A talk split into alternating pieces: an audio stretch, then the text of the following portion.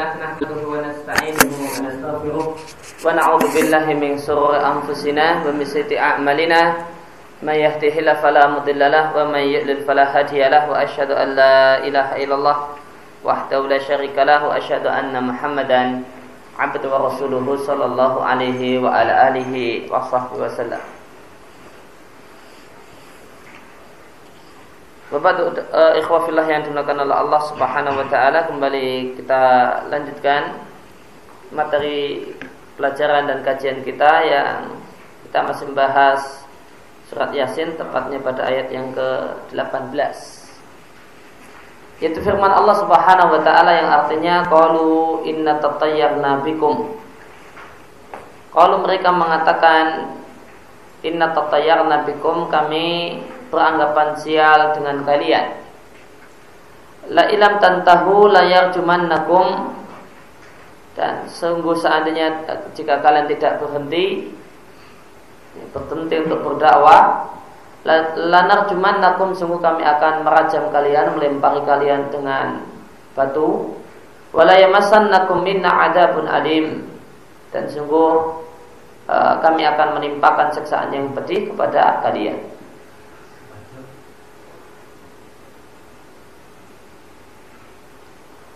Tatayarna kami merasa sial maknanya tasya'amna kami merasa sial ya.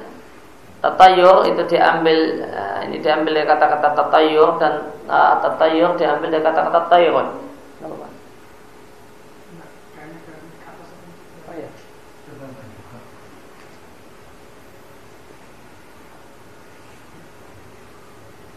Ini diambil dari kata-kata Tyron.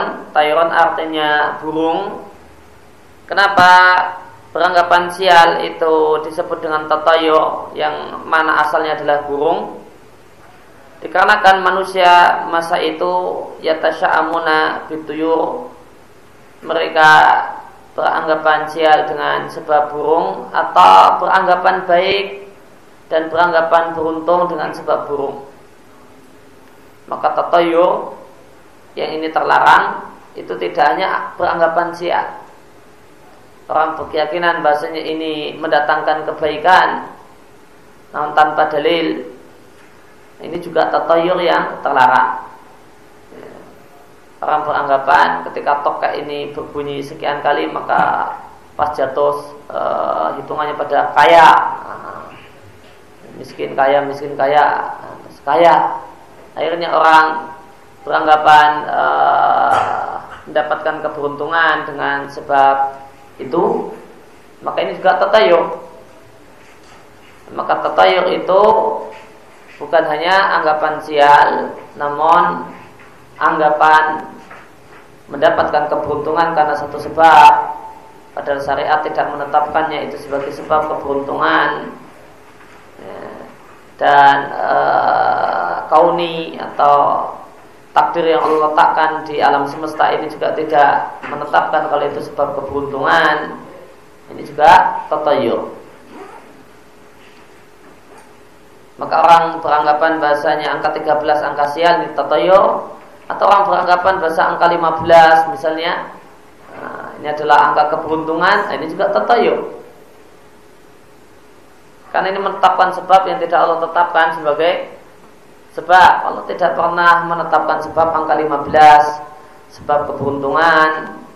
Bagaimana Allah tidak menetapkan angka 13 sebagai sebab kesialan Maka keduanya dua-duanya adalah Tatayur yang terlarang. Maka orang ya, jahiliyah masa silam mereka melepas burung. Maka jika kita jahat ilal yamin Jika burung ini terbang ke arah kanan ke arah sebelah kanan orang yang melepasnya atau ke arah sebelah kiri. Eh, atau ke arah depan atau ke arah belakang atau malah balik. Ya, dilepas malah balik. Atau pergi dan tidak kembali maka mereka beranggapan uh, karena hal ini mereka kemudian beranggapan sial. Atau mereka beranggapan mendapatkan keberuntungan.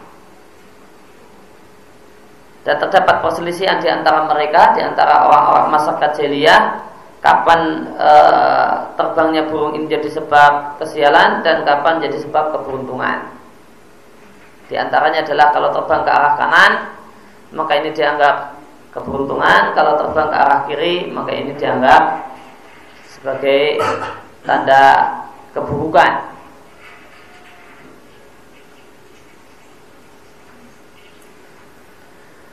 Sumata ada al-amru kemudian perkaranya meluas, melebar sehingga anggapan sial ini tidak hanya lagi uh, berputar dengan burung namun fikuli dalam segala sesuatu.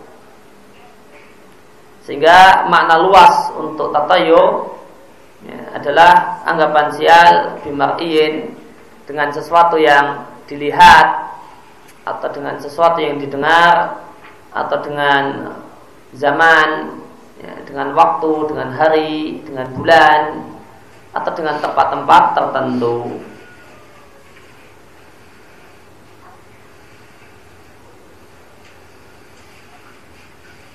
Maka boleh jadi ada tasya'um bil mar'i dengan sesuatu yang dilihat semacam anggapan jeliyah.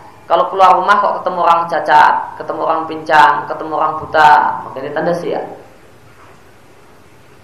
atau karena mendengar sesuatu. Mendengar uh, suara burung gagak misalnya maka ini dianggap tanda bahaya tanda uh, celaka. Maka ini adalah bagian dari tatayur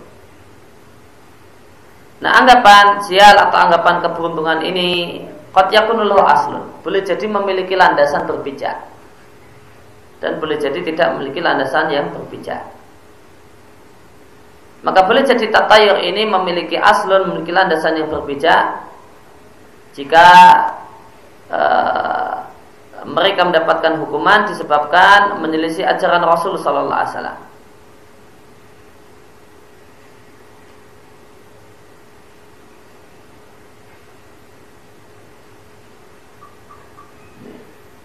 Maka ucapan mereka bahasanya kami beranggapan sial dengan para rasul maka jika bentuknya adalah mereka mendapatkan hukuman karena tidak menemui dakwah Rasul, maka mereka jadikan hukuman tersebut sebagai kesialan dari datangnya para utusan Allah Subhanahu wa taala.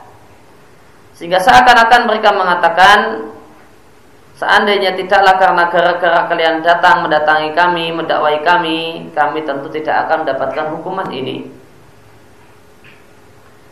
Kemudian anggapan sial mereka orang-orang kafir tersebut boleh jadi tidak memiliki alasan dan tidak memiliki landasan. Ya. Yaitu e, ketika anggapan sial tersebut adalah semata-mata klaim dakwah mujarodah. Semacam klaim dari mereka orang-orang yang mendustakan dakwah para rasul. Maka mereka beranggapan sial dalam pengertian mereka, kebebasan mereka, mereka merasa kebebasan mereka dibatasi. Yuhaddu min huriyatihim. Kebebasan mereka dalam uh, melaksanakan apa yang mereka inginkan itu dibatasi gara-gara dakwah para nabi, dakwah para rasul. Maka mereka menganggap pembatasan para nabi ini ini tidak boleh, itu tidak boleh disembah, ini tidak boleh dilakukan. Maka mereka menganggap ini adalah sebuah kesialan, syukman, dan ini adalah satu bentuk penyempitan, kesempitan yang mereka dapatkan. Contohnya para Rasul alaihi wassalam melarang mereka untuk menyembah patung berhala. Padahal mereka menginginkan untuk bisa menyembah patung berhala. Contoh yang lain eh, para rasul memerintahkan mereka untuk beribadah kepada Allah semata. Maka mereka berkomentar, "Duiqat alaina al ibadatu." Ibadah kami dipersempit. Dipersempit harusnya bisa nyembah banyak sesembahan kok cuma tinggal jadi satu saja. Nah, ini sempit, susah. Maka mereka jadikan penyempitan semacam ini menurut anggapan mereka syukman sebagai sebuah kesialan. Ya. Maka mereka orang-orang kafir beranggapan sial dengan para rasul alaihi wassalam. Kesimpulannya, anggapan orang-orang kafir anggapan sial orang-orang kafir dengan para rasul itu memiliki tiga kemungkinan makna. Yang pertama adalah mereka beranggapan sial dikarenakan syariat memberikan batasan, membatasi sahwat dan keinginan mereka. Ini tidak boleh, itu tidak boleh. Ya, zina tidak boleh, nyembah berhala tidak boleh. Padahal itu mereka inginkan. Ya, pacaran tidak boleh, padahal mereka menginginkannya. Maka adanya dakwah Rasul dan adanya orang gembor-gembor itu tidak boleh dianggap men, uh, merupakan kesialan dan merupakan kesengsaraan bagi mereka. Maka mereka mengatakan hada tadyibun alaina ini menyempitkan kami, menyusahkan kami dan ini adalah kesialan demikianlah anggapan mereka. Kemudian yang kedua mereka beranggapan sial disebabkan musibah yang menimpa mereka disebabkan menyelisih ajaran para rasul. Maka mereka berkata kepada para rasul, kami dapatkan musibah ini bencana ini ya, gara-gara kehadiran kalian maka ini adalah kesialan yang kalian bawa. Kalian menjadi sebab kesialan kami. Kemudian yang ketiga ini adalah semata-mata klaim tuduhan yang tidak ada landasannya. Ya, maka mereka orang-orang kafir berkata kepada para rasul kami beranggapan sial dengan keberadaan kalian maka ini hanyalah mereka ucapkan hal ini limujarrid tashwih. Hanya semata-mata untuk memperburuk citra. Ya. Maka mereka ingin memperburuk cerita uh, citra para nabi dan rasul ya, di tengah-tengah masyarakat dengan mereka gembar-gemborkan bahwasanya para nabi dan rasul ini jadi sebab datangnya kesialan maka mereka ingin memperburuk citra majaat bi rasul uh, ajaran yang dibawa oleh para utusan Allah Subhanahu wa taala. Kemudian penulis tafsir jalan lain menjelaskan tentang makna inna tatayyar nabikum kami beranggapan sial dengan kalian. Kata penulis tafsir jalan lain yaitu inqita'ul matar anna bisa babikum. Hujan itu berhenti, ya, hujan air itu berhenti dari kita, dari kami, nah, lama tidak turun hujan ini gara-gara kalian ini adalah salah satu dari tiga kemungkinan makna yang baru saja kami sebutkan. Tadi ada e, tiga hal yang disebutkan. Maka kalau ditafsirkan dengan e, hujan lama berhenti maka ini adalah makna yang kedua.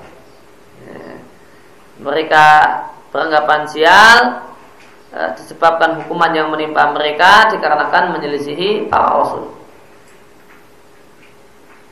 Maka mereka beranggapan sial dengan kehadiran para rasul disebabkan hukuman dan bencana yang menimpa mereka yang ini sebenarnya gara-garanya adalah karena mereka menyelisihi ya, dan tidak taat menyelisih ajaran para utusan Allah Subhanahu wa taala.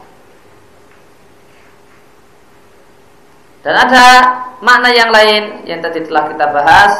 Makna yang lain adalah mereka beranggapan sial bihim dengan para rasul disebabkan karena para rasul ini dan ajaran yang dibawa oleh, oleh rasul ini al-had membatasi.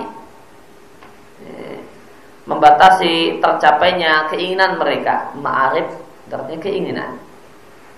Maka ajaran para rasul ini membatasi keinginan mereka keinginan mereka dalam masalah ibadah, mereka ingin menyekutukan Allah, kok selalu diingatkan, selalu dinasihati, kalau ibadah hanya boleh untuk Allah.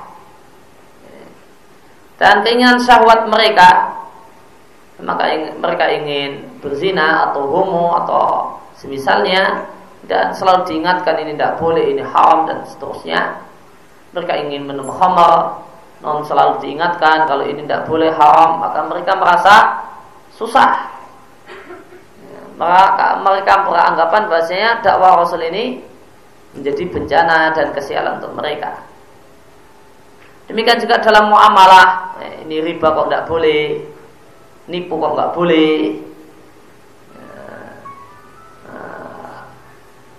maka mereka merasa dibatasi dengan adanya aturan tidak boleh riba, tidak boleh menipu. Demikian juga dalam masalah makanan mereka merasa dibatasi orang-orang kafir merasa dibawa dibatasi keinginan mereka dalam masalah makan kenapa babi nggak boleh dimakan daging anjing nggak boleh dimakan. Nah, karena mereka ingin menginginkan kebebasan dalam masalah ini. Demikian juga dalam masalah minuman mereka ingin minum khamar ya, dan semacamnya dengan adanya dakwah rasul dengan adanya syariat maka mereka merasa ada pembatasan mereka dibatas-batasi Mereka mengatakan duiqat alaina. Kami dipersempit, disusahkan. Kemudian uh, makna yang ketiga dari tatayarna adalah eh, tatayurul mudda'i adalah uh, anggapan sial orang yang mengklaim yang ini adalah semata-mata klaim yang tidak memiliki landasan. Maka perkataan mereka mereka mengatakan bahasanya hujan tidak turun-turun disebabkan kehadiran para rasul ini tujuannya adalah untuk menjauhkan manusia supaya manusia tidak mengikuti para rasul.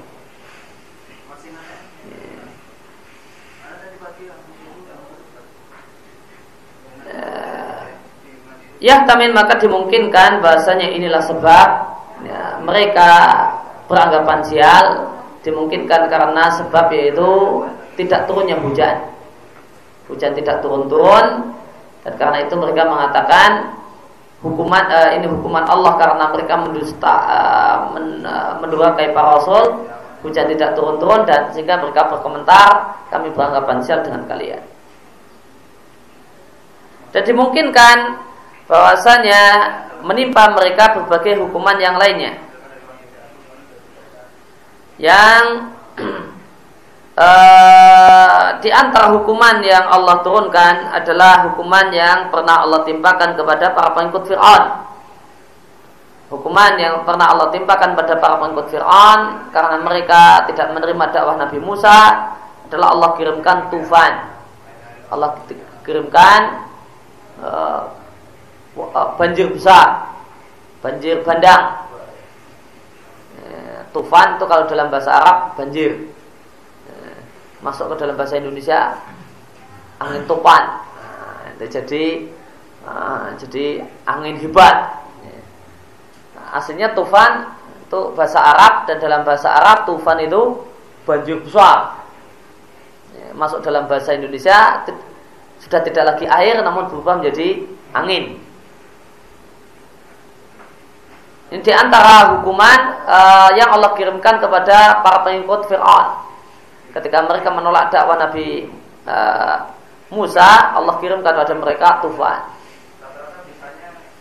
Demikian juga setelah tufan ini berakhir, setelah itu kemudian Allah kirimkan al-jarab. Allah kirimkan belalang. Maka ini sebelum Nabi Musa dikejar oleh Fir'aun ini ketika Nabi Musa masih dakwah uh, di tengah-tengah kota Mesir. Maka Allah, timpik, uh, Allah timpakan berbagai bencana kepada Fir'aun dan orang-orang yang mengikutinya ya, karena mereka menolak dan tidak menerima dakwah Nabi Musa. Maka pernah dikirimi banjir besar, Mesir banjir. Pernah juga Allah kirimkan ya, tentara ya, berupa tentara belalang yang ini menghabiskan uh, tumbuh-tumbuhan.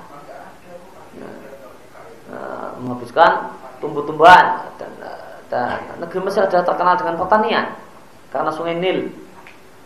Maka subur dan uh, banyak lahan pertanian Allah kirimkan belalang menghabisi itu semua sehingga gagal panen.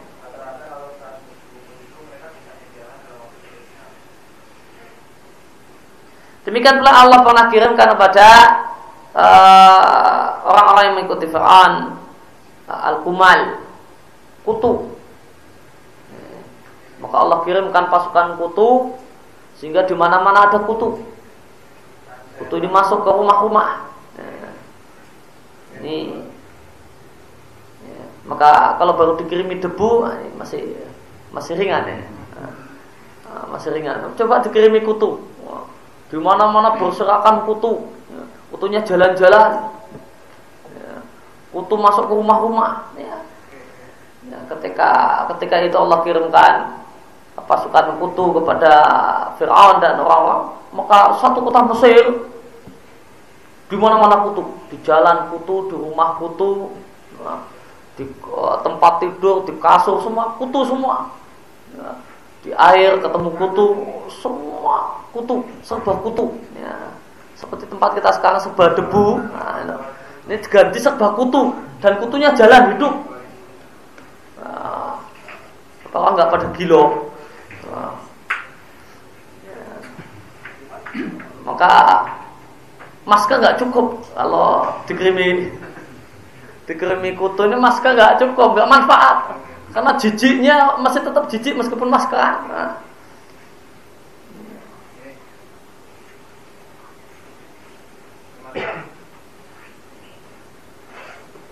ketika Allah Subhanahu wa taala kirimkan uh, wabah banjir besar maka apa yang dilakukan oleh Fir'aun dan orang-orang yang mengikutinya. Fir'aun cari mencari-cari Musa. Fir'aun cari-cari Musa. Wahai Musa tolonglah doa pada Allah supaya Allah menghentikan uh, banjir besar ini. Nanti kalau kok ternyata doamu hebat mustajab makbul uh, kami percaya kami akan beriman. Ya, janji manis orang kafir. Betul? Tak doakan nanti uh, begitu banjir berhenti kalian beriman betul kami mereka janji-janji uh, berbusa-busa berjanji uh, nanti kami akan beriman kami akan ya. Nabi Musa berdoa ya, banjir berhenti mereka juga tidak beriman. Tak lama setelah itu kemudian dikirimi belalang. Dikirim belalang cari lagi Musa. Musa yang dicari untuk menghilangkan bencana. Nah, maka kalau dapat susah, maka nah, orang-orang seperti Nabi Musa ini yang dicari-cari. Ah, tolong doa supaya segera berhenti. Ah, ini ah, dicarilah Nabi Musa. Tolong doakan pada Allah supaya belalang ini pada kabur. Dulu Indonesia pernah dikirimi pasukan belalang, tapi nggak banyak. Tahun berapa itu Pak ya? Nah, dikirim belalang habis ya, itu. Saya masih kecil SD kalau nggak salah. Lihat ada pasukan belalang. Ya, di Lampung ketika itu banyak. Pasukan belalang di udara itu. Ada rombongan. Bukan rombongan burung rombongan belalang. Turun habis semua mereka kemudian datang Musa dan uh, ngerayu-ngerayu Musa. Doa kepada Allah supaya berhenti kamu nanti akan terima tobat. Doa kamu tobat. Ya. benar tobat benar yakin. Nah.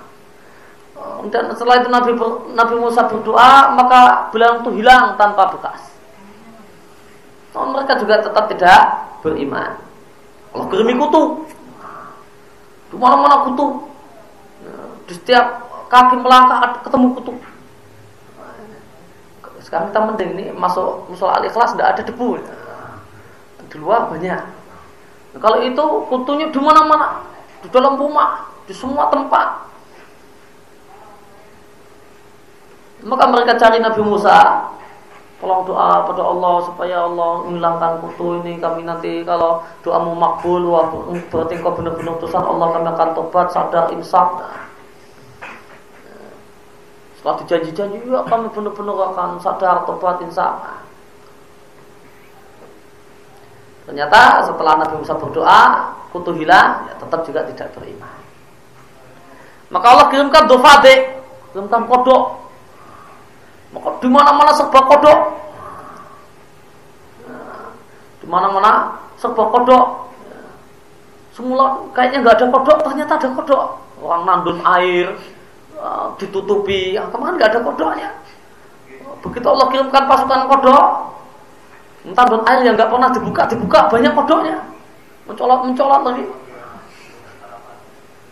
di mana-mana kodok. Ya. Nimba air sampai atas, oh, kodok meloncat. Di mana-mana kodok. Di jalan-jalan di rumah, tidur pun berteman kodok. Gak bisa tidur jadinya. Ya, mau tidur kodok loncat-loncat. Di mana-mana kodok Allah kirimkan. Enggak gigit ya cuma jalan-jalan saja kodoknya.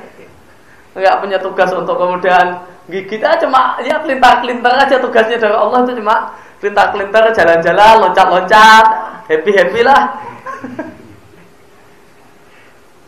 nggak nggak nggak apa ngapain nggak kemudian nyempot nyempot racun uh, pakai kencingnya atau apanya enggak cuma tugasnya untuk suruh happy happy di kota musuh seluruh kota penduduk penduduk semuanya kodok di mana mana pusing ya cuma lihat kodok aja pusing kok nggak kuat ya Baru cuma dikirimi kodok.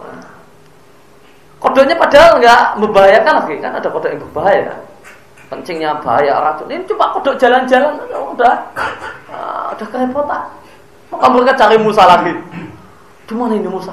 Tak cari, ada Musa. Tolong doa pada Allah supaya Allah menghilangkan kodok-kodok ini. Kami akan tobat insaf sadar.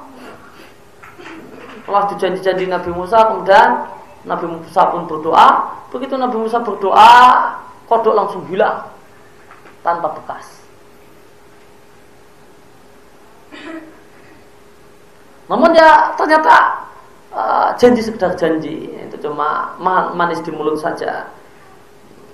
Tetap kafir. Maka Allah kirimkan Adam darah. Maka di mana-mana darah. Di mana-mana darah di teko yang untuk air putih untuk minum tiba-tiba dituang darah. Air di sumur tiba-tiba digerak darah. Semuanya darah. Bacin anyir nggak bisa mandi nggak bisa minum.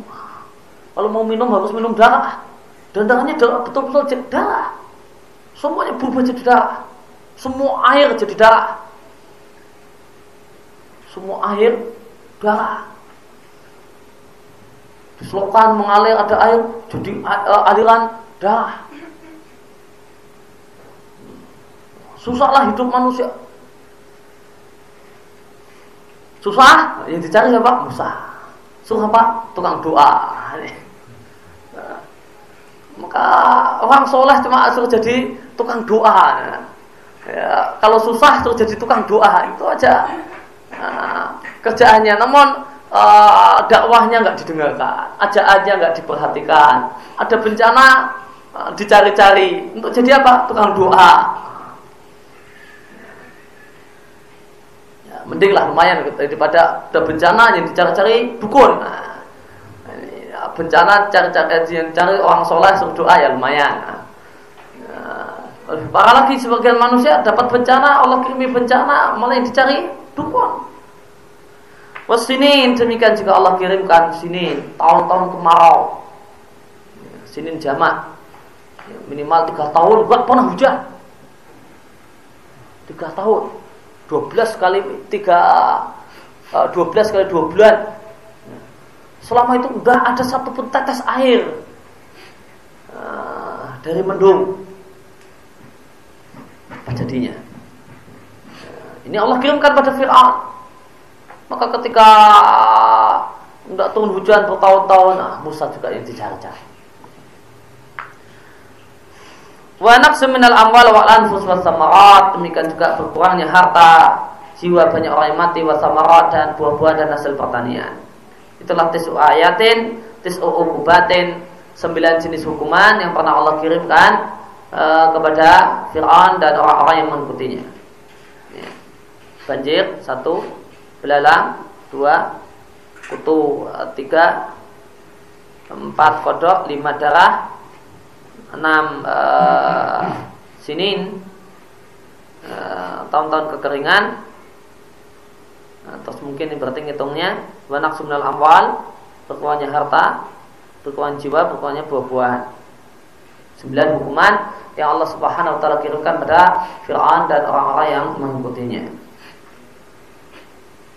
Wa yumkin ayakuna hunaka uqubatun ghairu hadza aidan dan boleh jadi hukuman yang pernah Allah berikan ada hukuman-hukuman yang lain selain ini yang telah Allah kirimkan dan Allah berikan.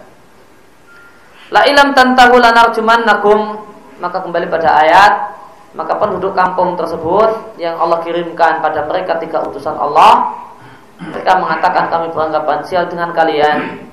La ilam tantahu jika kalian tidak berhenti berdakwah menasihati mendakwai kami niscaya kami akan rajam kalian dan kami akan timpakan pada kalian siksaan yang pedih. Maka jika kalian wahai para rasul tidak mau berhenti untuk mendakwai kami, untuk mengikuti kalian dan tidak berhenti untuk mendakwai mendakwai kami untuk meninggalkan uh, apa yang telah kami lakukan, sungguh kami akan merajam kalian.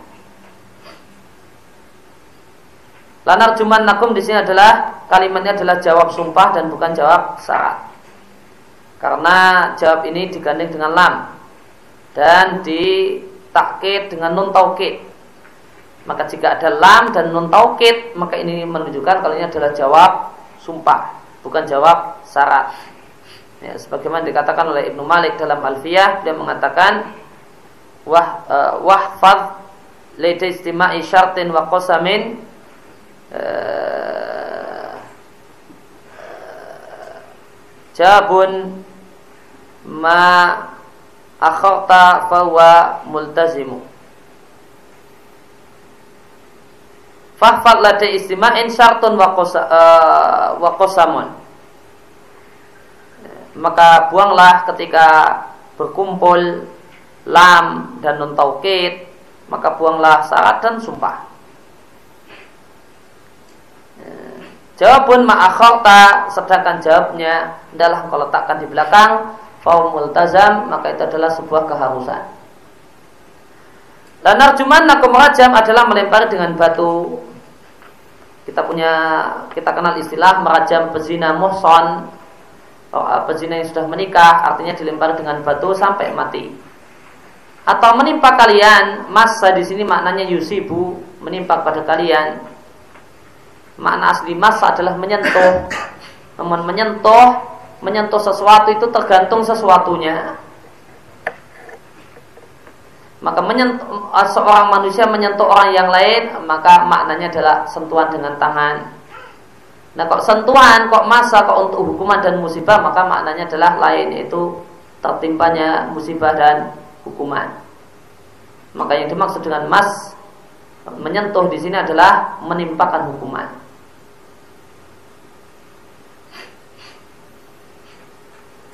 Adapun alim siksaan yang pedih yang dimaksud siksaan di sini adalah apa yang uh, terjadi dan apa yang menimpa para Rasul alaihi wasallam, siksaan dan penyiksaan yang dilakukan oleh mereka-mereka orang-orang yang mendustakan ajaran Rasul dan orang-orang yang melampaui batas. Mereka memukuli para Rasul atau para pengikut Rasul dan tindakan yang serupa dengannya. Dan termasuk siksaan yang pedih adalah ditahan atau dipenjara. Maka penahanan dan penjara adalah termasuk siksaan Alim, alim di sini fa'il, namun maknanya adalah muf'il. Alim di sini maknanya adalah mu'lim. Maka alim di sini adalah fa'il, maknanya muf'il.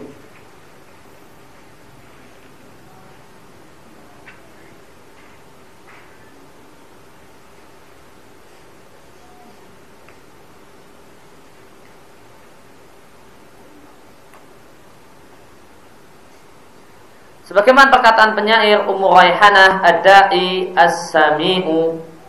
Ummu Raihanah dia memanggil-manggil As-Sami. Sami di sini maknanya musmi. Di mana musmi? Dia adalah orang yang manggil-manggil Dan dia memperdengarkan panggilannya kepada semua orang. Yu'arikuni wa ashabi. Maka panggilan Ummu Raihanah tersebut Mengganggu tidur malamku. Aroko itu nggak bisa tidur di waktu malam Eh, terbangun di waktu malam.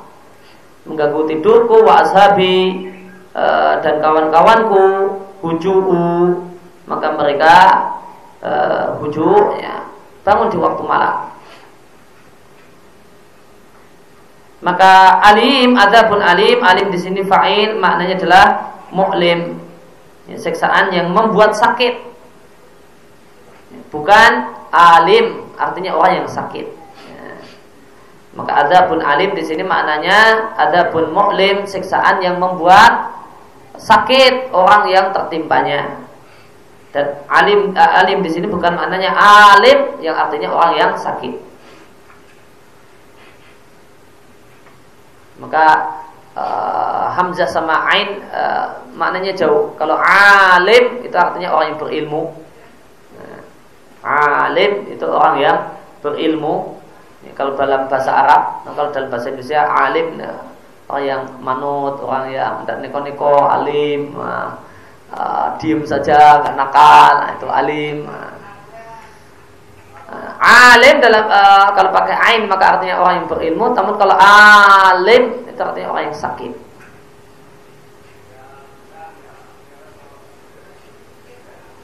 Walaimasannakum Wawu di sini apakah e, mereka orang-orang kafir mengatakan akan aku lempari kalian dengan batu dan uh, dan aku akan menimpakan pada kalian siksaan yang menyakitkan. Nah, wawu di sini itu tanwe menunjukkan variasi, kadang dilempari batu, kadang siksaan yang lain. Ataukah alasabil jema' mereka akan melakukan dua-duanya merajami demikian juga memberikan siksaan fisik yang lain. Kalau jamak maka artinya mereka melempari para rasul tersebut dan menyiksa uh, para rasul itu sebelum diraja.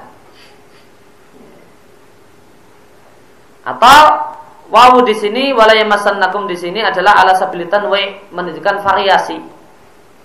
Sehingga wawu kalau menunjukkan makna variasi maka wawu di sini bermakna au.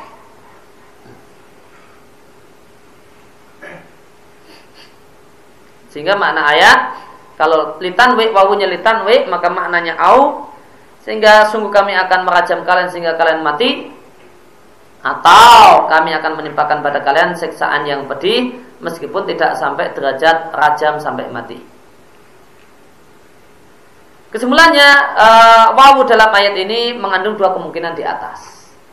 Bisa jadi artinya atau berarti ya kalau tidak kami rajam akan kami siksa atau wawu di situ ya benar-benar wawu berarti mereka akan uh, sehingga kalau wawu di sini benar-benar wawu ya uh, maka di sini ada takdim wa takhir. Ya. maka maknanya adalah mereka akan menyiksa dulu baru setelah itu dirajam sampai mati. Nah, kalau tapi ayatnya kan bunyinya rajam dulu.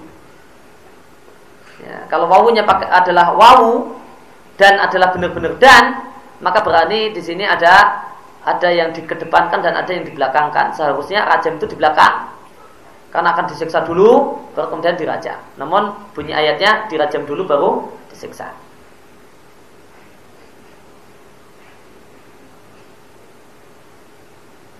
Maka ayat ini mungkin dimaknai dengan dua makna tersebut. Ya, maka jika uh, jika wawu di sini kita maknai dan maka wawu di sini uh, tidak menunjukkan urutan. Ya, mudahnya demikian. Tidak menunjukkan urutan. Karena kita lihat rajam di sini lebih dulu disebutkan, padahal realitanya belakangan. Karena ada penyiksaan dulu baru perajaman. Karena siksaan yang menyakitkan itu dilakukan sebelum ada perajaman. Karena jika sudah dirajam alias mati, maka sudah tidak ada lagi, tentu tidak bisa lagi melakukan penyiksaan. Sehingga dalam ayat ini, kalau wawunya itu kita artikan dan, maka wawunya tidak menunjukkan urutan, sehingga terjadi di sini namanya takdim wa takhir. Realitanya belakangan, namun disebut duluan, disebut duluan, namun realitanya belakangan. Namun jika wawu di sini adalah kita katakan litan we sehingga bimakna au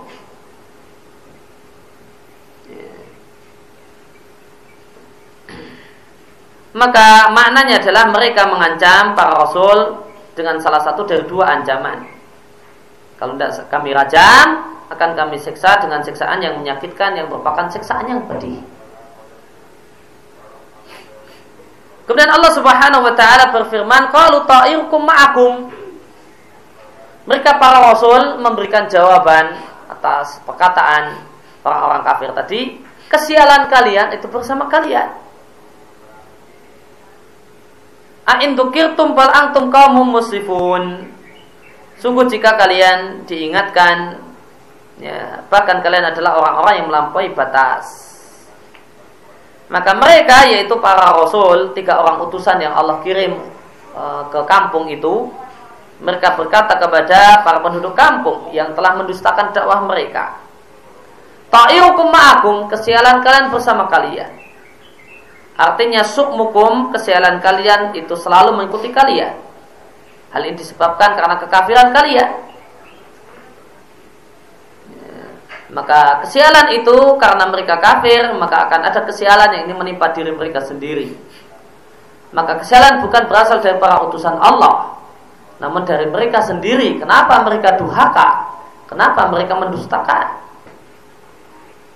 Seandainya mereka mau, mereka beriman, akan hilanglah dari mereka azab yang menimpa mereka dan akan hilanglah dari mereka anak ya, pengurangan yang Allah lakukan, pengurangan rezeki yang Allah lakukan kepada mereka.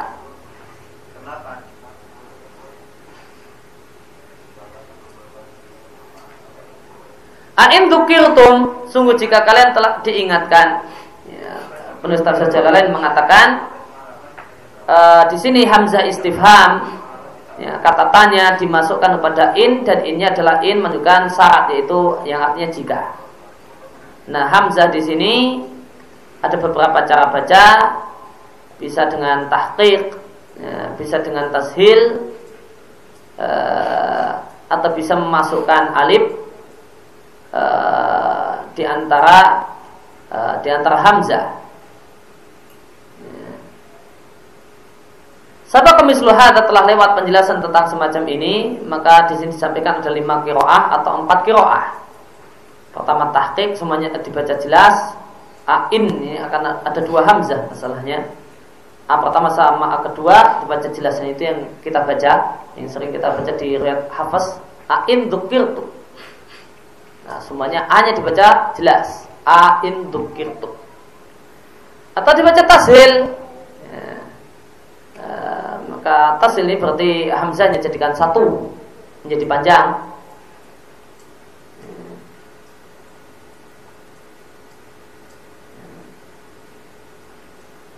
Fayuqal in had in uh, maka innya innya tahqiq uh, dan tashil atau ain namun tanpa ada penjelasan tentang hamzahnya. Dan memasukkan alif di antara keduanya.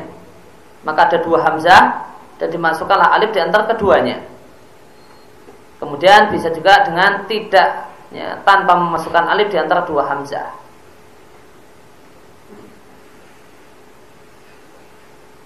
Ini penjelasan yang tidak bisa dijelaskan kecuali orang yang uh, paham tentang ilmu kiroah sehingga disampaikan di catatan kaki kalau ingin jelas uh, gimana cara bacanya telah dipraktekkan oleh Syekh Muslimin uh, di kasetnya Ya, kaset rekaman yang membahas tentang tafsir Yasin.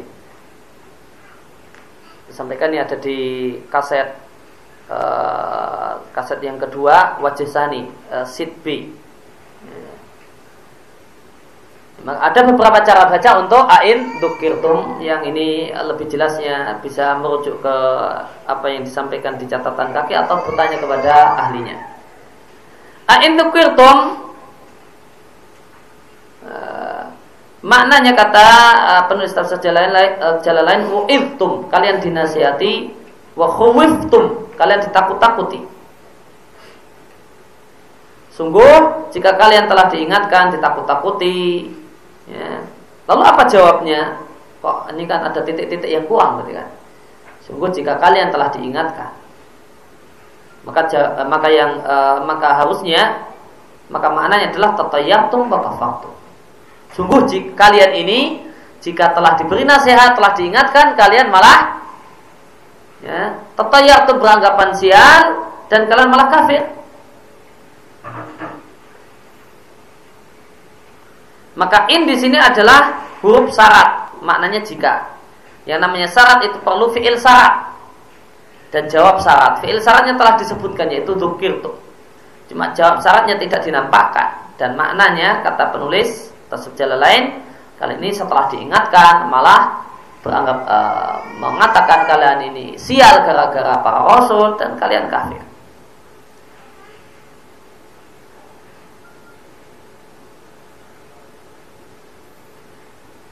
Maka marilah kita lihat apa yang terjadi setelah diingatkan supaya kita bisa mengetahui dan bisa menebak jawab syaratnya. Tadi telah kita baca, setelah mereka dinasihati, didakwai, mereka mengatakan, "Inna tatayyar nabikum." Yang kami beranggapan sial dengan kalian, wahai para rasul. Jika kalian nggak berhenti, kami akan rajam kalian sampai mati. Maka yang terjadi setelah mereka diingatkan, ternyata mereka tatayaru beranggapan sial dengan keberadaan para rasul dan mereka mengancam-ancam kalau mereka akan e, memberikan rajam e, sampai mati dan siksaan yang menyakitkan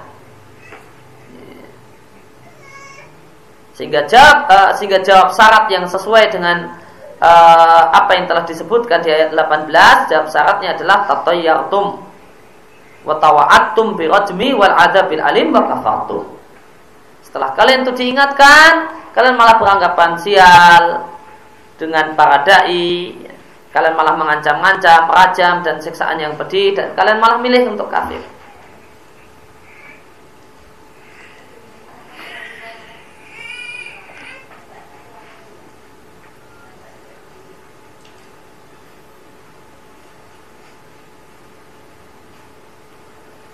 Dan tadi ain dukiltum hanya kan hamzah istifham kata tanya. Eh, maka di sini ada kalimat tanya wal murabbi atau bih dan makna dari kalimat tanya adalah celaan.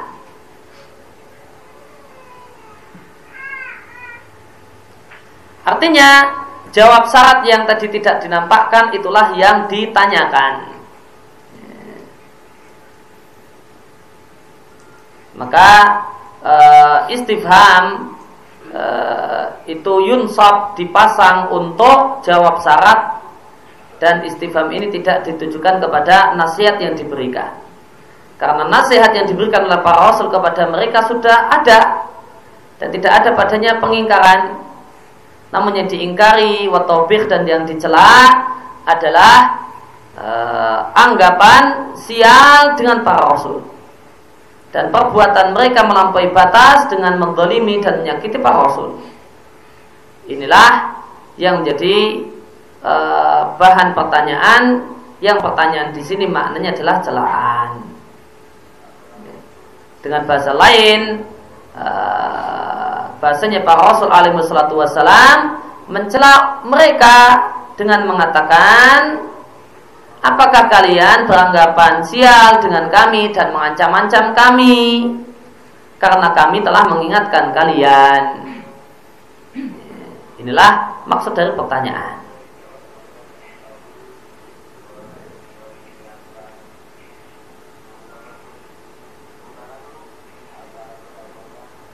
Ya, jadi uh, maka kata tanya di sini uh, maka kesimpulannya maknanya adalah apakah kalian Beranggapan kalian kami adalah biang kesialan, kalian ancam-ancam kami, padahal kami yang mengingatkan karena agar-agar kami mengingatkan dan menegur kalian.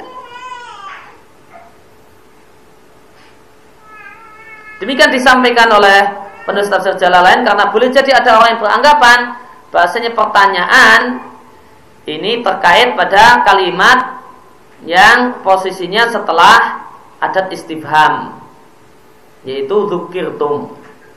Ya, maka pertanyaan ditujukan pada uh, tadkir. Padahal realitanya yang jadi sasaran pertanyaan adalah jawab syarat dan bukan syarat yang telah disebutkan. Dan pertanyaan di sini adalah pertanyaan dalam rangka mencela. Maka pertanyaan semacam ini tidak membutuhkan jawaban. Ya, maka dalam bahasa Indonesia ada pertanyaan yang butuh jawaban dan ada pertanyaan yang tidak membutuhkan jawaban pertanyaan tidak butuh jawaban dalam pelajaran bahasa Indonesia disebut pertanyaan retorik.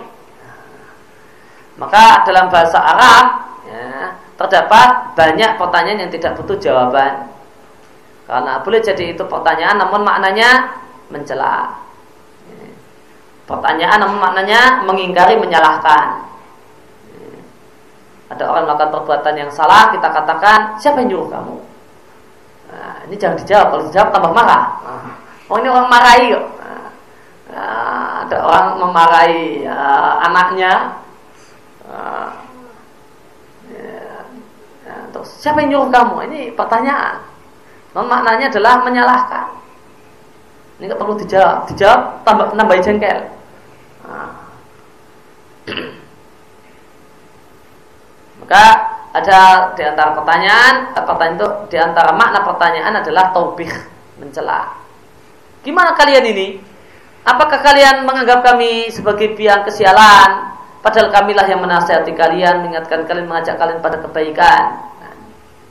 Bal antum kamu musrifun, bahkan kalian adalah orang-orang yang melampaui batas.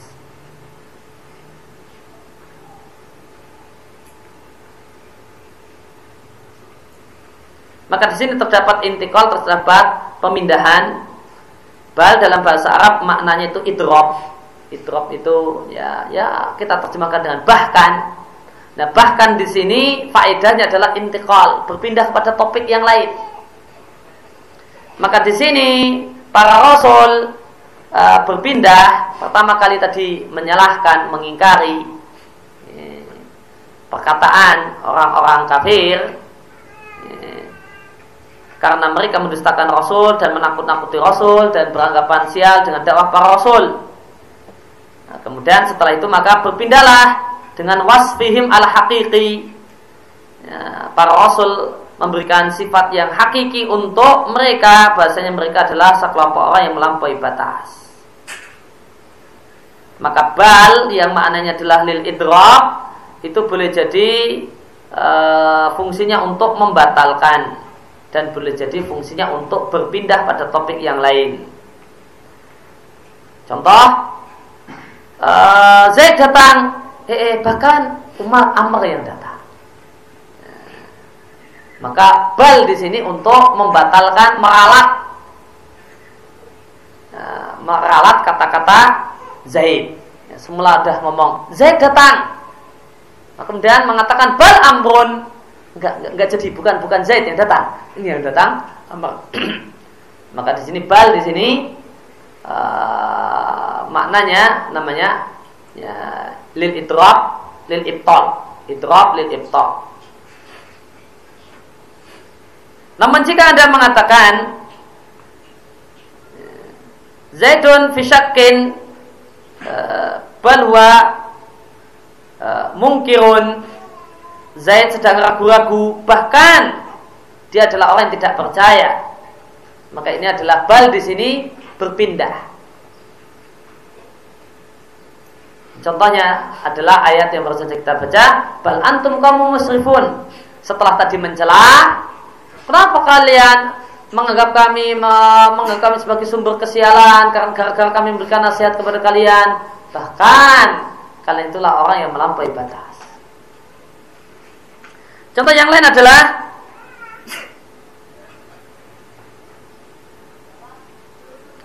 Balidaraka ilmuhum fil akhirah balhum fi syakkim minha balhum minha amun.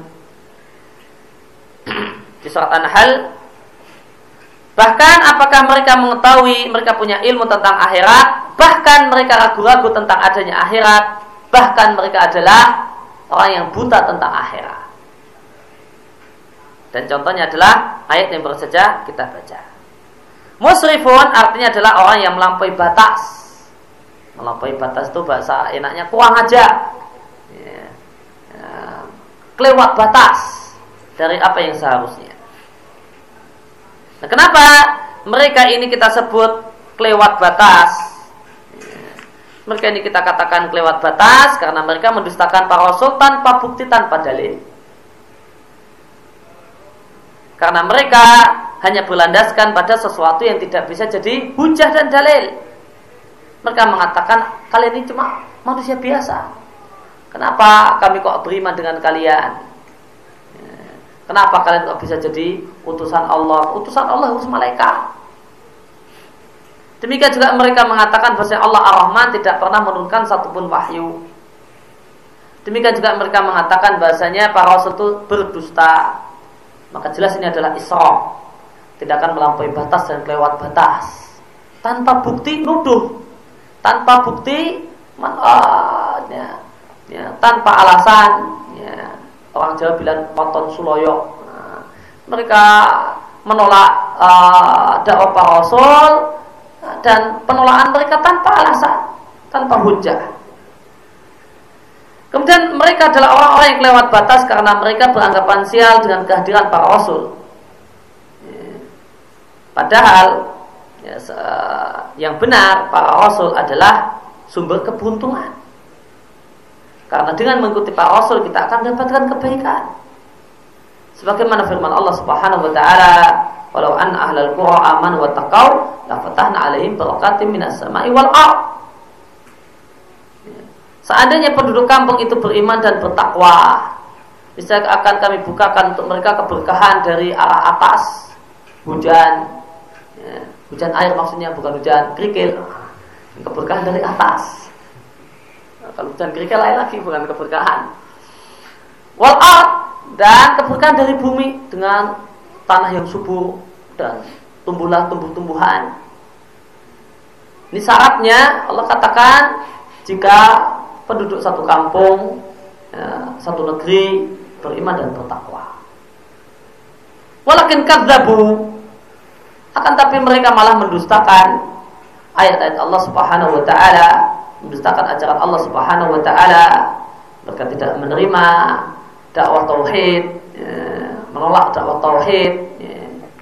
Mereka tidak percaya dengan apa yang dikatakan oleh Quran dan Sunnah, lebih percaya dengan apa yang didakwakan Mbah Marijan uh, lebih percaya dengan uh, uh, dengan klenik, ya, lebih percaya kalau Gunung Merapi ada penunggunya, ya, ada penguasanya, ya, Mbah Jagat namanya, bisa nyanyi roh kidul, dan uh, dan itu yang lebih dipercaya dan itulah yang lebih diimani. Ya, maka wajah fa'akhadnahum bimakan yaksibun jika kami hukum mereka disebabkan ulah kelakuan mereka sendiri. Maka haulai maka mereka orang-orang kafir itu beranggapan sial dengan kehadiran para rasul padahal para rasul itu tidaklah layak untuk dijadikan sebagai sebab kesialan. Bahkan para rasul dan ajaran para rasul adalah sebab keberuntungan. Akan ada keberkahan dari langit dan bumi. Ya, jika penduduk satu kampung itu beriman dan bertakwa. Ya. Dan kapan dikatakan penduduk satu kampung? Al-hubulil ghalib kalau orang yang bertauhid cuma segelintir, ini ini belum kita katakan penduduk satu kampung, penduduk satu daerah. Ya. Yang namanya penduduk satu kampung ya al hukmu lil ghalib. Bukannya berarti semua semuanya beriman, bertakwa, tidak ada maksiat. Tidak. Ini maksud penduduk kampung satu kampung beriman bertakwa adalah yang dominan di situ. Yang dominan adalah kebaikan, yang, yang, yang dominan adalah uh, orang yang mendakwahkan kebaikan, orang yang mengerjakan kebaikan, kemaksiatan, kemusikan itu tersingkirkan, tersudutkan, ya, hanya bisa dilakukan di pojok-pojok sambil sembunyi-sembunyi. Nah, itu berarti penduduk kampung ini beriman dan bertakwa. Kemudian di antara perbuatan mereka melampaui batas mereka adalah mengancam para rasul dengan akan mendolimi para rasul jika mereka tidak menghentikan dakwah dan mereka tidak menghentikan usaha mereka untuk menyampaikan risalah yang datang dari Allah Subhanahu wa taala. Ya, sebagaimana telah kita baca perkataan mereka, maka ini adalah perbuatan Isra melampaui batas.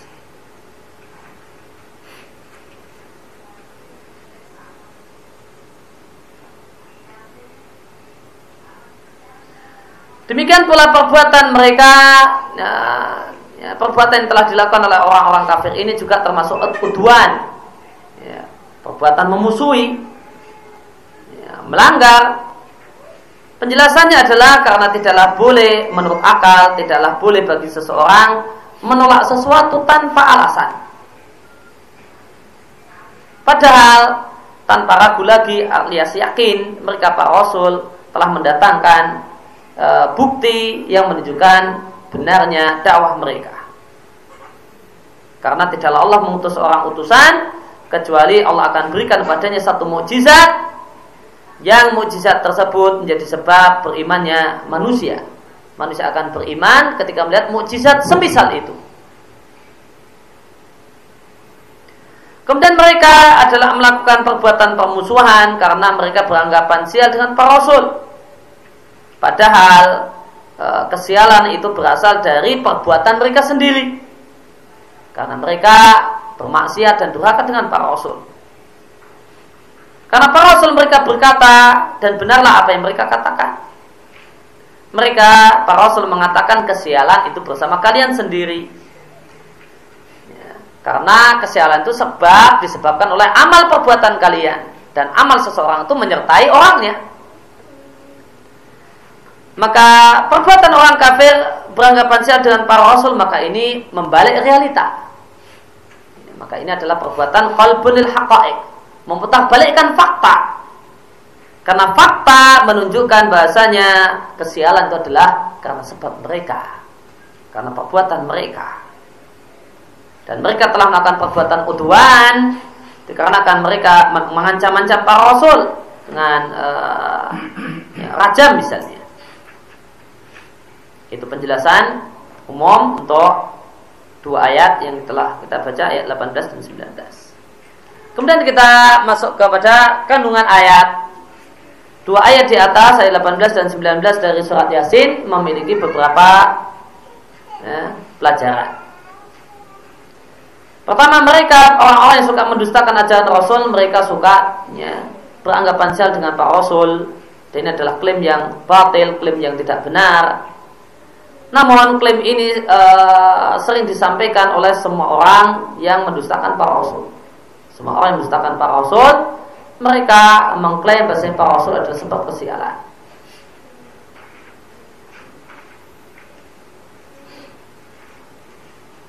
Kemudian orang-orang yang mendustakan para rasul alias orang kafir, maka mereka menuduh para rasul dengan tuduhan yang tidak ada dan tidak benar. Lam yakun minhum. Dikatakan bahasanya rasul dan orang saleh ini sebab kesialan. Apa tendensi mereka? Taswihan. Tendensinya adalah untuk memperbuk cita. Maka di antara uh, makar orang-orang kafir untuk menghambat dakwah salah satu bentuknya adalah dengan taswih memperburuk citra orang-orang saleh memperburuk citra Islam. Maka mereka identikan Islam dengan teror. Mereka identikan Islam dengan kumuh terbelakang dan itu mereka propagandakan maka ini uh, taswih yang dilakukan oleh orang-orang kafir dan orang-orang munafik untuk menghambat dakwah. Dan mereka menjelek-jelekkan Islam, mem eh, memperburuk citra Islam, tujuannya yang lain adalah tanfir. Agar supaya manusia tidak dekat-dekat dengan Islam. Agar manusia jaga jarak dengan Islam. Agar manusia menjauh dari Islam. Maka dibuatlah pencitraan yang jelek. Ya, ya, nanti kalau kamu rajin ke masjid, nanti kamu jadi teroris. Nah, Jangan dekat-dekat sama masjid. Ya, ke masjid cukup seminggu sekali saja. Itu sudah jadi orang beriman. Gak usah rajin-rajin. Nah, maka mereka uh, membuat pencitraan yang jelek dengan pencitraan yang jelek maka diharapkan manusia jauh dari lari jaga jarak dengan Islam. Di antara maka orang kafir yang patut kita sadari. Maka tidaklah aneh seandainya mereka ya membuat citra-citra yang buruk silih berganti dulu apa ya dulu uh, kalau rajin ke masjid maka ekstrem kanan uh, kalau sekarang rajin ke masjid uh, jenggotan teroris uh, atau ya nanti akan muncul istilah-istilah yang lain istilah-istilah yang baru itu semua adalah dalam rangka supaya manusia tidak dekat-dekat dengan kebenaran Uh, kandungan yang bisa kita simpulkan kesimpulan yang lain ayat di atas menjelaskan bagaimanakah permusuhan orang-orang kafir yang mendustakan ajaran Rasul dengan para Rasul. Mereka menakut-nakuti para Rasul jika tidak menghentikan dakwah maka akan akan mereka rajam yang ini merupakan sebab kematian atau adanya siksaan yang pedih jika mereka tidak merajam para rasul tadi. Dan ini adalah puncak dari permusuhan yang sangat besar uh, yang ditujukan pada para hamba Allah Subhanahu wa taala. Fahaulai rasul maka mereka para rasul adalah sebagaimana perkataan orang yang beriman dari keluarga Fir'aun. Maka meskipun uh, ya, uh, di antara buah dakwah Nabi Musa kepada Fir'aun dan orang-orang yang mengikutinya di samping tukang-tukang sihir itu beriman kemudian istri Fir'aun yaitu Asiyah beriman maka Allah menyebutkan ada satu laki-laki. Ada satu laki-laki keluarga istana yang beriman. Namun Allah nggak sebutkan siapa laki-laki tersebut maka orang istana Fir'aun yang beriman itu ada dua istrinya Fir'aun Asiyah binti Mat'un eh, atau binti Makdum nah, Kemudian seorang laki-laki dari ya, keluarga Fir'aun dari istana Fir'aun. Nah Allah ceritakan perkataan laki-laki yang dari keluarga Fir'aun, orang istana Fir'aun yang beriman ini. Allah ceritakan tanpa Allah sebutkan siapa namanya dalam Al-Quran.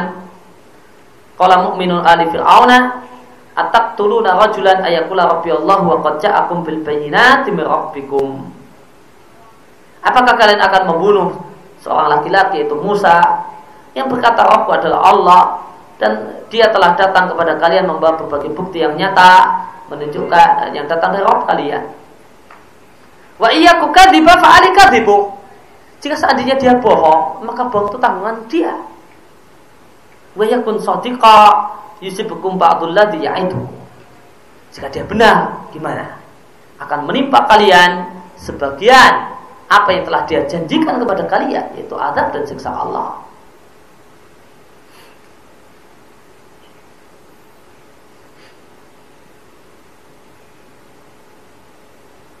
Maka mereka orang-orang kafir yang mendustakan para rasul, mereka menakut-nakuti para rasul dengan diancam dibunuh, dirajam dan oh, ditutup aja mas kayaknya hujan.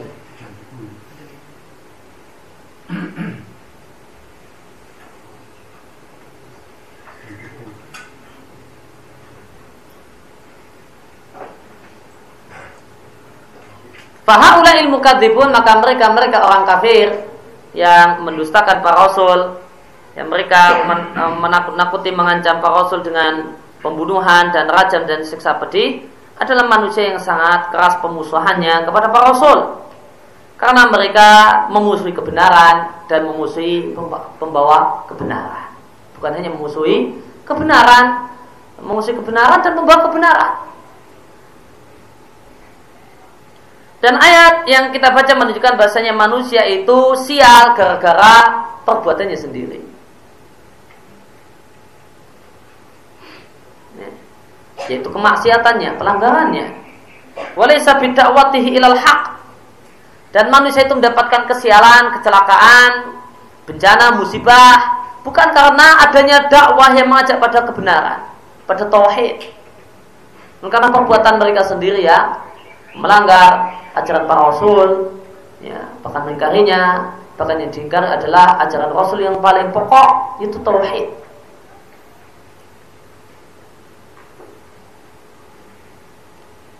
di antara kandungan ayat ini bahasanya dosa dan kekafiran mendustakan para rasul dan ajaran para rasul adalah sebab lil manhi lil mahqi untuk hilangnya keberkahan rezeki hilangnya keberkahan dunia atau bahkan al-bala hancur sekalian. Maka orang-orang kafir, kenapa mereka kok hidup nyaman, tidak nah, dapat bencana, nggak ada gunung meletus, kok gunung meletusnya di Indonesia, nggak malah di Amerika sana atau di mana? Maka hukuman yang Allah Subhanahu Wa Taala berikan pada orang yang kafir dan ingkar dan bermaksiat, boleh jadi memahki, boleh jadi dengan hilangnya keberkahan. Mereka hidup mewah, mereka hidup ini, namun mereka tidak dapat keberkahan rezekinya, mereka tidak dapat kenyamanan, mereka tidak dapat uh, kenikmatan dengan rezeki yang banyak, dengan duit yang berlimpah.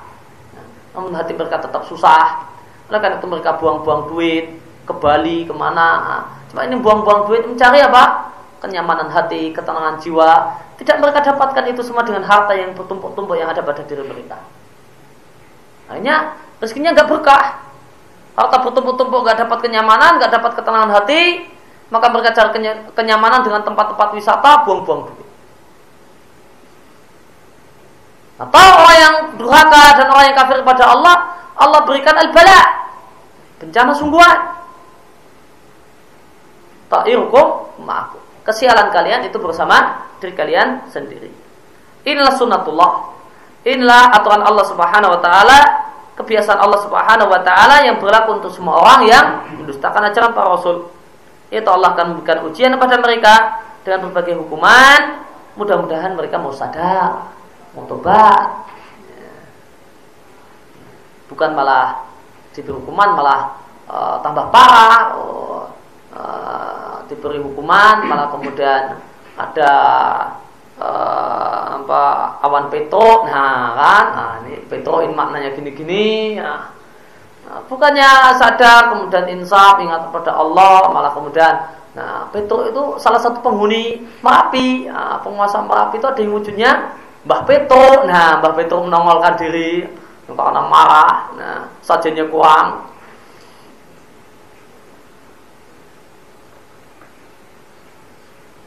Kemudian di antara kandungan ini adalah alingkar, mengingkari, menyalahkan pada orang yang setelah diingatkan malah melengos, malah berpaling, malah tidak peduli. Maka satu hal yang tidak salah seandainya ada orang yang telah kita nasihati dengan baik-baik, nah, namun dia tetap ngotot, ngeyel, nggak mau berubah, maka bisa kita tegur dengan kita ingatkan, kemudian diingatkan, kok dablek, kok ah, nggak uh, didengarkan nggak ada perubahan maka memberikan teguran semacam ini satu hal yang boleh sebagaimana dilakukan oleh para rasul Kemudian bolehnya membuang sesuatu yang bisa diketahui dengan konteks kalimat dan e, tidaklah berarti ada ada yang kurang dalam dalam kalimat dan tidak berarti mengulangi sisi indah dari satu kalimat. Karena dalam ayat di atas jawab syarat dibuang karena sudah bisa diketahui. Atau bahkan boleh jadi pembuangan sebagian kata itu malah ablak lebih dahsyat uh, dalam makna. Kemudian diantarkan dengan ayat ini adalah mereka sekelompok orang uh, mereka mereka ini mereka adalah orang-orang yang uh, melampaui batas terhadap diri mereka sendiri, mereka kelewat, kelewat batas. Buktinya Allah Subhanahu wa taala mengatakan bal antum kaum musrifun. Bahkan kalian adalah orang-orang yang melampaui batas dan telah dijelaskan uh, kenapa mereka disebut orang-orang yang melampaui batas dan kelewat batas.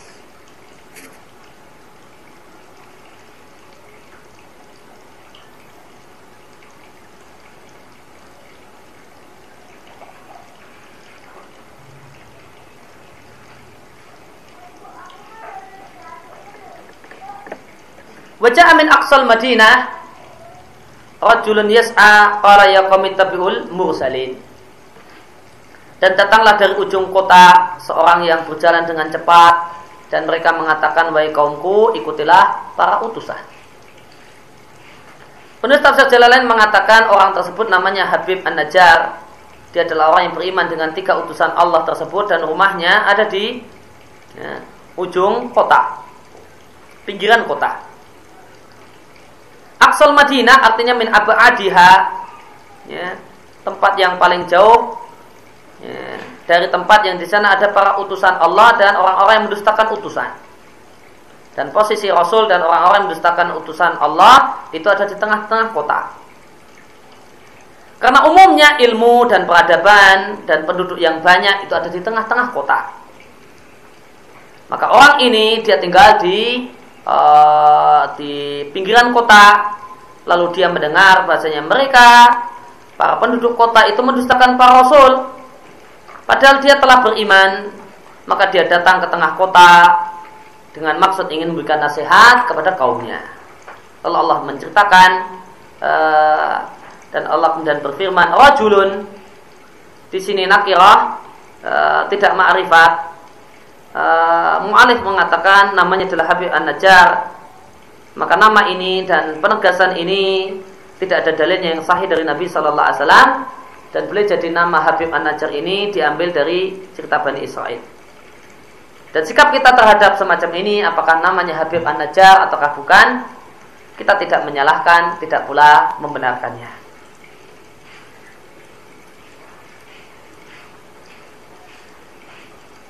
Maka Allah berfirman dan datanglah dari ujung kota seorang yang berjalan dengan cepat. Maka di sini Allah Subhanahu wa taala memulai ayat dengan menjelaskan tempat orang tersebut sebelum menceritakan dia. Aksal Madinah rajulun. Tempatnya dulu, tempat tinggalnya di ujung kota baru dikatakan rajulun. Sedangkan dalam kisah Musa ketika Musa membunuh Ibti, ya, penduduk asli Mesir, pengikut Fir'aun, maka di sana disebutkan rajul dulu baru e, tempatnya Wajah rajulun min aqsal Madinah. Nah, kebalikan. Wajah rajulun min aqsal Madinah datanglah seorang dari ujung kota Yas'a. Dia berjalan dengan cepat. Qal ya Musa innal mala'a ya'tamiruna bika. Wahai Musa, sesungguhnya para elit kampung, orang-orang pembesar ini telah bermusyawarah untuk menghabisimu. Nah, di surat Yasin Allah menyebutkan tempat dulu baru orangnya. Wajah amin aksal Madinah rajulun.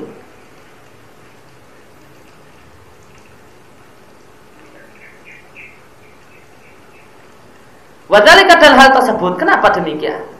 Lianna hadha rajul karena mukminan Karena orang ini yang Allah ceritakan di surat Yasin adalah orang yang beriman Maka sangat ringan baginya untuk datang dari tempat yang jauh sekalipun maka Allah sebutkan tempat orang tersebut, tempat tinggal orang tersebut libudihi eh, karena eh, tempat yang jauh supaya Allah tidak menunjukkan dengan hal ini betapa besarnya rasa cinta orang ini kepada kebaikan dan betapa besar kesungguhannya untuk mencegah keburukan.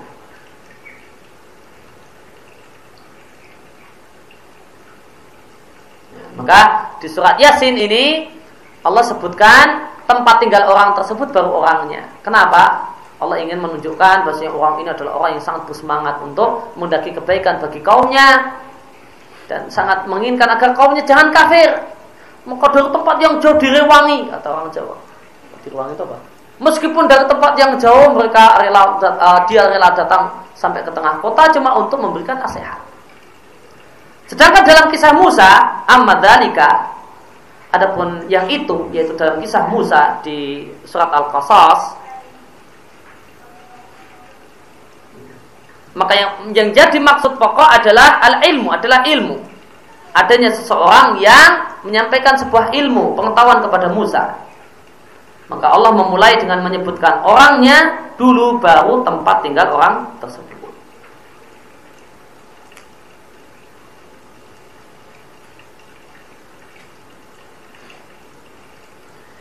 Di sini Allah mengatakan wajah amin aksal Madinah datang dari ujung kota. Sedangkan di awal ayat Allah menceritakan buatlah permisalan untuk orang-orang kafir tersebut dengan penduduk kampung. Nah, jika kita kumpulkan dua ayat ini maka kita bisa membuat kesimpulan. Kesimpulannya dua ayat ini jika kita perhatikan maka kita simpulkan bahasanya Korea boleh disebut dengan Madinah. Korea itu boleh disebut dan bisa disebut dengan Madinah. Dan Madinah disebut juga dengan Korea. Semisal Mekah Allah namai dan Allah sebut dengan Korea. Ya, dan dia adalah Umul Qura, induk dari berbagai uh, dan dia disebut juga dengan Umul Qura, yang artinya adalah induk dari berbagai kota. Wa ka'ayyin min qaryatin hiya asyaddu quwwatan min qaryatika allati akhrajatka ahlaknahum betapa banyak kampung yang penduduknya lebih hebat kekuatannya daripada kampungmu wahai Muhammad. Kampungmu sini Mekah. Maka Allah menyebut kota Mekah dengan Koryatika, dengan Koryah. Daripada kampungmu yaitu Mekah yang penduduknya mengusirmu dari darinya. Ternyata ada kampung-kampung yang lebih hebat, ahlak nahum, seluruhnya kami binasakan mereka. Itu yang kampung yang lebih hebat hebat lagi, apalagi cuma Mekah. Maka yang namanya Korea dalam bahasa Arab, dalam bahasa Al-Quran, bukalah tempat yang kecil, ya, uh, desa, sebagaimana anggapan banyak orang. Bahkan Korea takunu boleh jadi sebuah kota besar. Karena Korea itu e, dalam bahasa Arab diambil dari kata-kata kiro. Kiro maknanya adalah tajamuk tempat berkumpul. Kenapa kota disebut Korea? Karena manusia berkumpul di tempat tersebut. Maka jika tempat berkumpul tersebut adalah tempat yang besar, maka dalam kebiasaan manusia disebut Madinah. Jika kurang lebar, maka dalam kebiasaan manusia disebut Korea. Sehingga kesimpulannya, pembedaan antara Korea dan Madinah adalah e, istilah urfi adalah kebiasaan orang Arab ya, dan bukan makna bahasa. Adapun makna bahasa adalah Madinah dan Korea sama. Madinah diambil kata-kata mudun artinya kemajuan, ya, tamadun artinya kemajuan, karena di sana tempat kemajuan. Dan disebut Korea karena di sana tempat berkumpul di sana banyak orang. Nah, adapun membedakan oh kalau maka semua tempat yang hidupnya menetap menetap tidak nomaden tidak pindah-pindah itu disebut Korea atau Madinah dalam bahasa Arab. Non sekarang orang Arab membedakan oh, kalau oh, tempatnya nggak ramai, pelosok, cuma beberapa orang, eh, disebut Korea. Kalau ramai, banyak fasilitas, nah, disebut Madinah itu cuma kebiasaan orang Arab sekarang uh, bukan makna uh, makna secara bahasa. Namun makna secara bahasa semua tempat di situ uh, orang itu berdomisili menetap, tidak nomaden, uh, maka disebut Korea atau disebut Madinah. Demikian yang kita baca dan kita bahas kesempatan pagi hari ini. Allahumma alimna min fa'na wa fa'na bima 'allamtana wa zidna ilma wa sallallahu ala nabiyyina Muhammadin wa ala alihi Wassalamualaikum warahmatullahi wabarakatuh. Subhanakallahumma bihamdika asyhadu an la ilaha illa anta astaghfiruka wa atubu.